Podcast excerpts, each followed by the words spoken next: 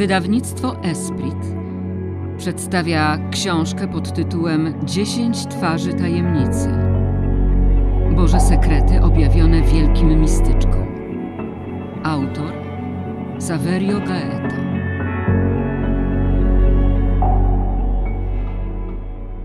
W 1627 roku siostra Maria została mianowana ksienią – Musiała w tym celu uzyskać z Watykanu niezbędną dyspensę ze względu na swój zbyt młody wiek.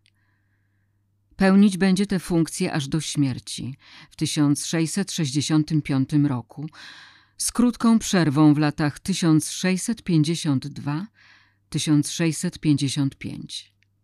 W 1636 roku spowiednik Francesco André de la Tour nakazał Marii spisywanie objawień, które od dawna otrzymywała od Najświętszej Maryi Panny. W kilka tygodni powstała pierwsza wersja mistycznego Miasta Bożego, którą w 1644 roku tymczasowy spowiednik nakazał jej spalić. W 1647 roku jej nowy kierownik duchowy, André de Fuenmayor, wydał polecenie napisania tekstu od nowa, co Maria z Agredy uczyni w latach 1655-1660. Zakonnica podała również duchową interpretację tego wydarzenia. Napisałam tę Bożą historię po raz drugi, gdyż w pierwszej ponieważ światło, dzięki któremu poznawałam jej tajemnice, było przeobfite i owocne, a moja nędza wielka. Język okazał się zbyt ubogi. Używane przeze mnie terminy niewystarczające, a moje pióro zbyt wolne, by powiedzieć wszystko. Pominęłam niektóre rzeczy, a wraz z upływem czasu i z nowym rozeznaniem byłam bardziej gotowa, by napisać o nich teraz. Pomimo, że zawsze mówię wiele z tego, co mam zamiar powiedzieć, i poznałam, dlaczego czasem wszystko jest możliwe. Faktycznie, Jezus osobiście jej nakazał: Napisz ją jeszcze raz i dodaj to, czego brakuje, a w swoim sercu wyryj jej nauczanie.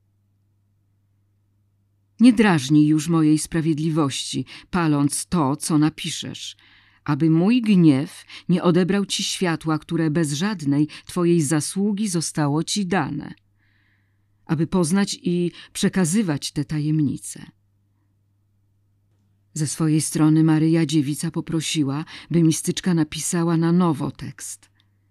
Nie zważając na to, co materialne, ale na to, co formalne i istotne, w postawie uległości i bez stawiania przeszkód, aby otrzymać strumień Bożej łaski, którą Wszechmogący skierował na mnie, a której część zgodnie z Bożym postanowieniem niech spłynie na Ciebie. Po ukończeniu drugiej redakcji tekstu Maria z Agredy miała wymowną wizję. W niebie zaległa wielka cisza i wszyscy z natężeniem czekali na to, co miało dopełnić się na tronie Najwyższego. Ujrzałam wtedy, że Ojciec Niebiański wyjął jak gdyby ze swego serca cudownie piękną, zamkniętą książkę. Podał ją wcielonemu słowu i rzekł – Książka ta i wszystko, co w niej jest zapisane, jest mi bardzo miłe i przyjemne. Nasz Zbawiciel wziął książkę z wielkim szacunkiem i przyciskając ją do swego serca, udzielił jej niejako zatwierdzenia. Tak samo uczynił Duch Święty. Następnie trzy osoby oddały tę książkę w rękę Najświętszej Panny, która przyjęła ją z niewysłowioną radością. Potem Matka Boska otworzyła książkę i przytrzymała ją przed mymi oczyma, abym mogła w niej czytać. Przekonałam się wtedy, że jest to opis świętego żywota Maryi, którą napisałam. Podstawową rolą, jaką Maria z Agredy przypisuje Matce Bożej, jest opieka nad Kościołem i wszystkimi wiernymi. Ujmuje tę myśl następująco. Jest też prawdą, że nie mamy szczęścia widzieć ją na własne oczy, słyszeć ją i przestawać z nią. Pod tym względem pierwsze dzieci Kościoła były od nas szczęśliwsze. Jednak powinniśmy o tym pamiętać, że już wówczas byliśmy obecni w niebiańskim rozpoznaniu i miłości Maryi, tej Matki Miłosierdzia. Widziała ona nas wszystkich i znała w owym porządku i następstwie, w jakim mieliśmy się narodzić w Kościele. Modliła się za nas tak samo, jak za tych, którzy żyli wówczas. Ponadto Maryja jest teraz w niebie równie potężna, jak była wtedy na ziemi. Jest tak samo naszą matką, jak była matką pierwszych dzieci. Lecz jakże inna jest nasza wiara, nasza gorliwość, nasza pobożność. Maryja nie zmieniła się w niczym. Miłość jej pozostała taka sama i również opieka była taka sama. Gdybyśmy w tych nieszczęśliwych czasach wzywali jej pomocy z wdzięcznością, pokorą i gorliwością równą pierwszym wiernym, gdybyśmy z pełną ufnością powierzyli jej nasz los. Wtedy cały Kościół katolicki otrzymałby taką samą pomoc Maryi, jakiej mu udzieliła w pierwszych latach po jego założeniu. W istocie rzeczy wszystko powiązane jest z predestynacją Maryi, z jej wybraniem na Matkę Słowa Wcielonego. W mistycznym mieście Bożym temat ten został przez Marię szczegółowo wyjaśniony. Poznałam bowiem, że ta czysta istota, postanowiona i stworzona została przez Boga przed wszelkimi innymi stworzeniami. Obdarzona pełnią łask, które pozostawały w harmonijnej zgodzie z godnością, wspaniałością i pełnią łask człowieczeństwa, jej najświętszego Syna. W Matkę i jej Syna przelał się z całą mocą strumień bóstwa i jego doskonałości na tyle, na ile istota stworzona objąć to mogła i zarazem na miarę jej godności jako Matki Bożej. Trzymając się tego eschatologicznego punktu widzenia, Maria z Agredy ujawnia, że Bóg objawił Najświętszej Dziewicy przyszłość świata. Kiedy mistrz światła pouczał swą niebiańską matkę, mówił jej o wszystkim, co zamierzał uczynić w czasie prawa łaski. Pokazał jej wszystko, co miało się stać w świętym kościele podczas szóstego okresu czasu świata, który obejmuje lata obowiązywania prawa ewangelicznego i potrwa aż do końca świata. Pokazał jej, co stało się w ciągu tych 1675 lat, które dotąd minęły i co stanie się w niewiadomej dla nas przyszłości, aż do dnia sądu. Tego wszystkiego dowiedziała się nasza niebiańska królowa w szkole swego najświętszego syna.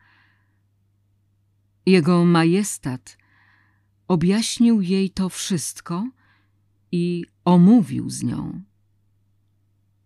Pokazał jej czasy, miejsca, królestwa, kraje i wszystko, co się w nich miało stać podczas trwania Kościoła.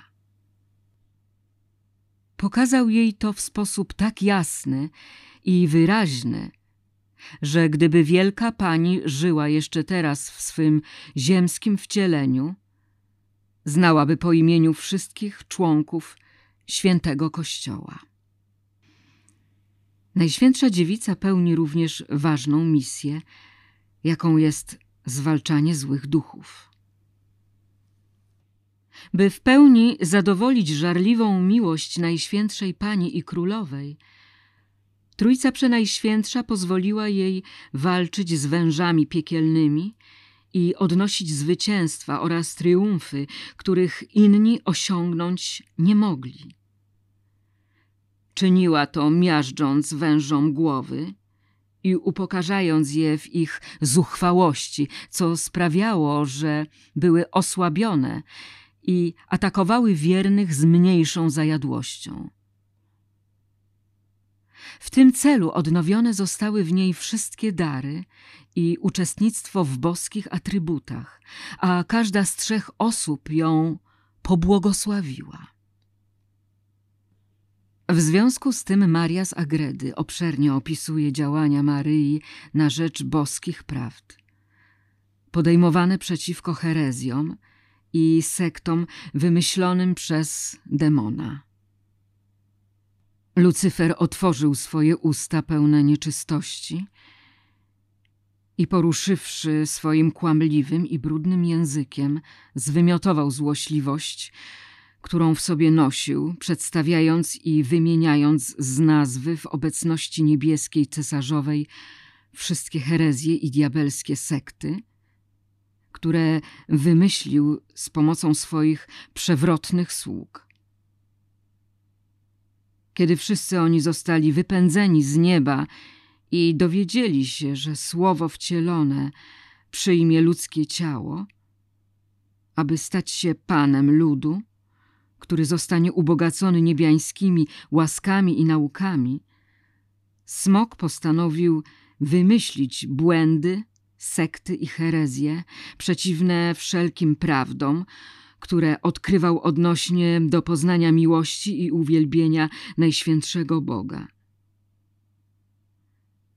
Złe duchy poświęciły na to wiele lat, które minęły aż do przyjścia na świat Chrystusa, naszego Pana.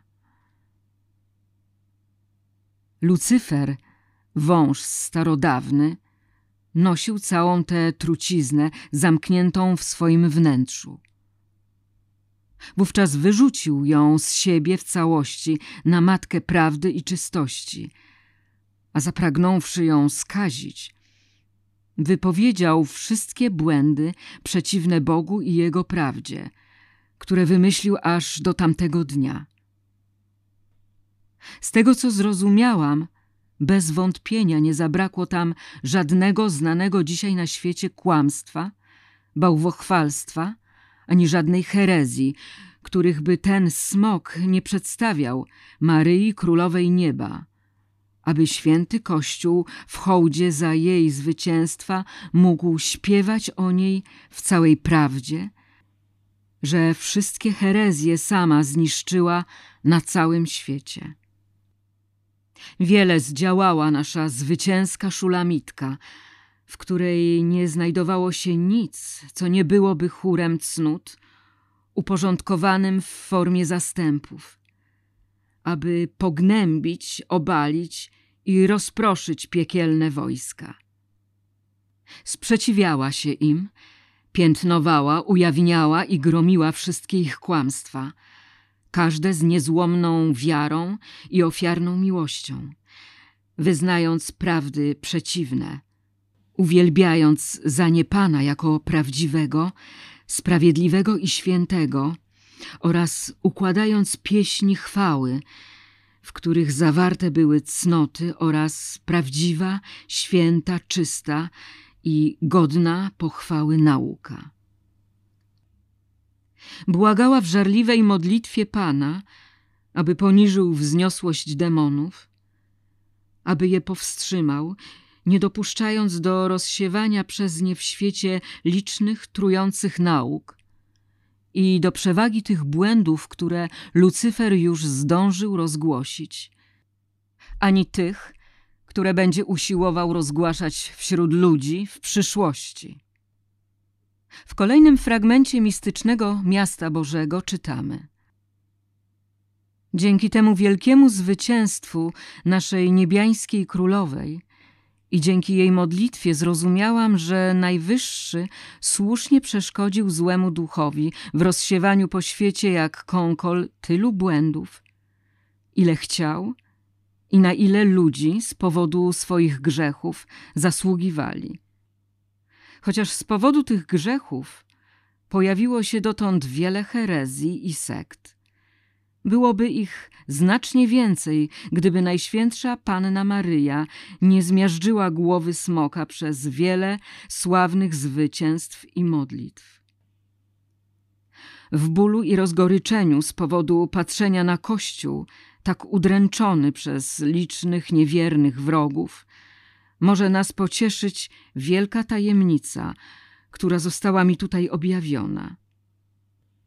W tym triumfie Najświętszej Dziewicy oraz w kolejnym, który odnosiła po wniebowstąpieniu swojego Najświętszego Syna, Najwyższy Władca jako nagrodę za te batalie udzielił naszej królowej przywileju, że za jej wstawiennictwem i dzięki jej cnotom na świecie znikną herezje i sekty.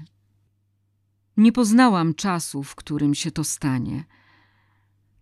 Ale chociaż ta obietnica Pana wiąże się z pewnymi ukrytymi lub przemilczanymi warunkami, jestem pewna, że katoliccy dostojnicy i ich słudzy staliby się niejako narzędziami tej pani w pokonywaniu niewiernych za sprawą wielkich i sławnych zwycięstw, niszcząc sekty i błędy, które tak bardzo szkodzą światu.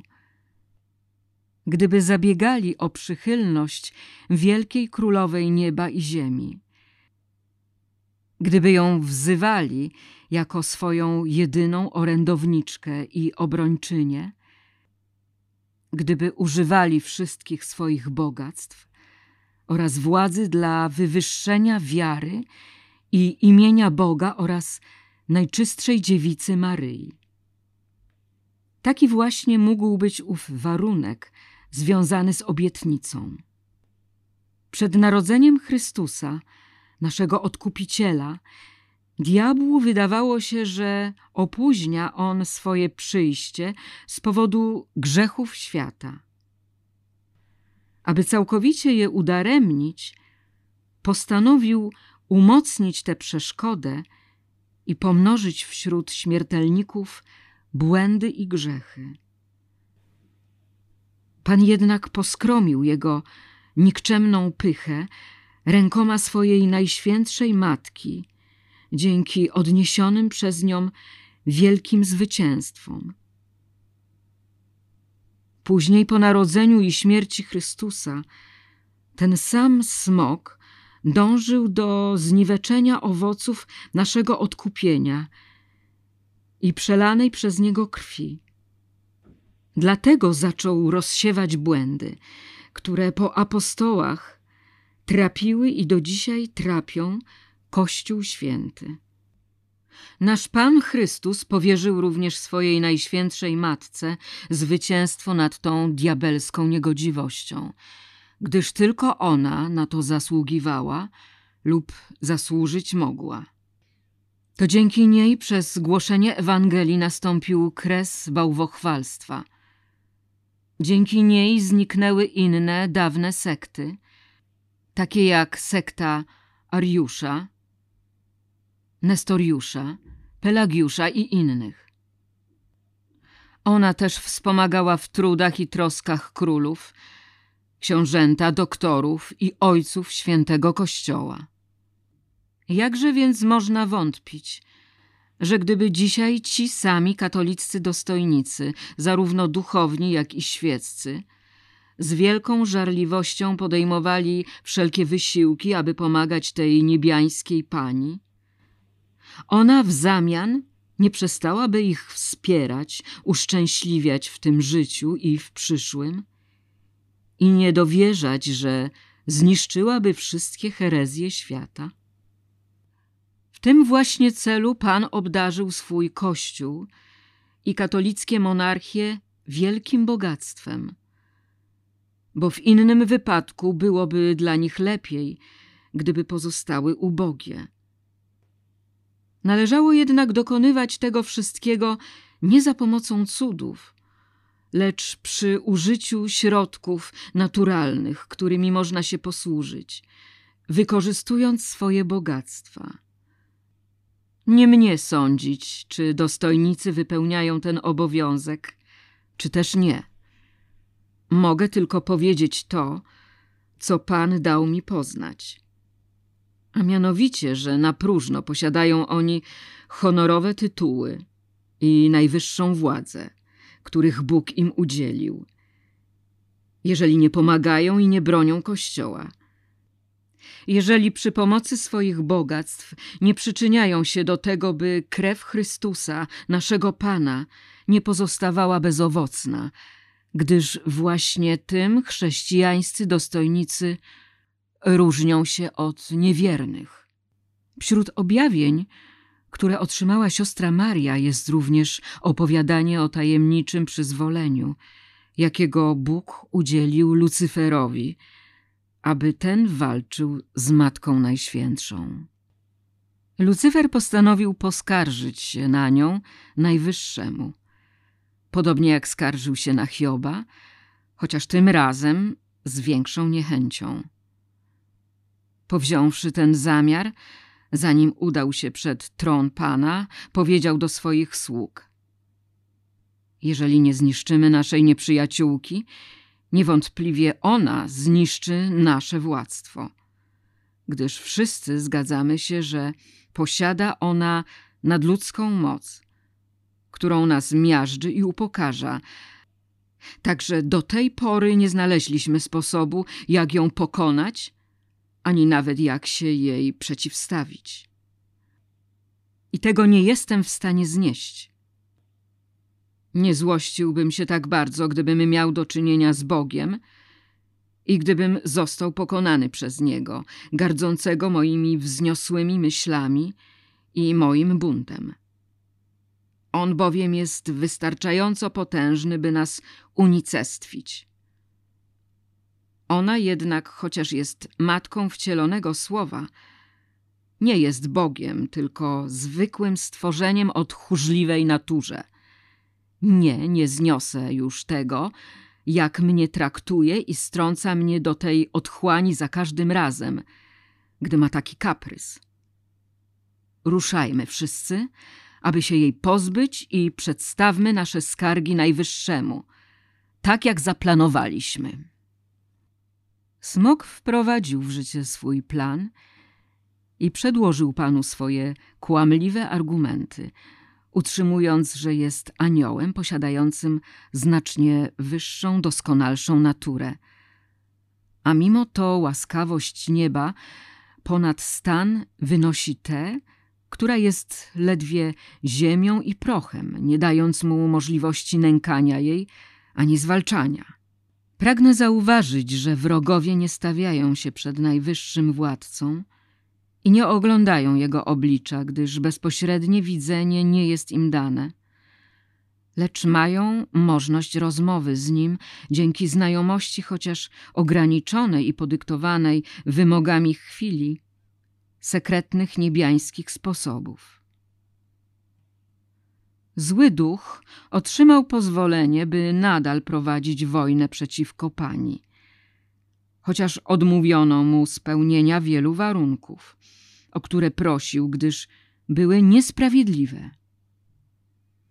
Każdej ze stron przyznano odpowiednią broń, aby zwycięstwo królowej niebios było wspaniałe i aby zmiażdżyła ona głowę starodawnego jadowitego węża. Szatan we własnej osobie ujawnił również Marii z Agredy swoje diabelskie strategie, które mają niszczyć owoce odkupienia. Dopóki gniew mój nie zostanie zaspokojony, nie przestanę walczyć z Maryją i ludźmi. Przybywajcie wszyscy diabli, aby obmyślić ze mną środki do tej walki. Następnie pod przewodnictwem Lucyfera duchy piekielne poczęły obmyślać sposoby, jakimi mogą zniweczyć owoc zbawienia. Wszyscy zgodzili się na to, że niepodobieństwem byłoby zaczepić osobę Chrystusa, uszczuplić znaczenie Jego zasług lub sfałszować głoszoną przez Niego naukę. Należy natomiast szukać dróg i sposobów, aby odwodzić ludzi od korzystania z łask Bożych, uwodząc ich pokusami i sztuczkami. Dlatego najbardziej przebiegli szatani rzekli: Prawda, ludzie mają nową naukę i nowe prawo, mają też potężną orędowniczkę i pośredniczkę w osobie owej niewiasty. Jednak ich skłonności i namiętności do rzeczy zmysłowych pozostają niezmienne.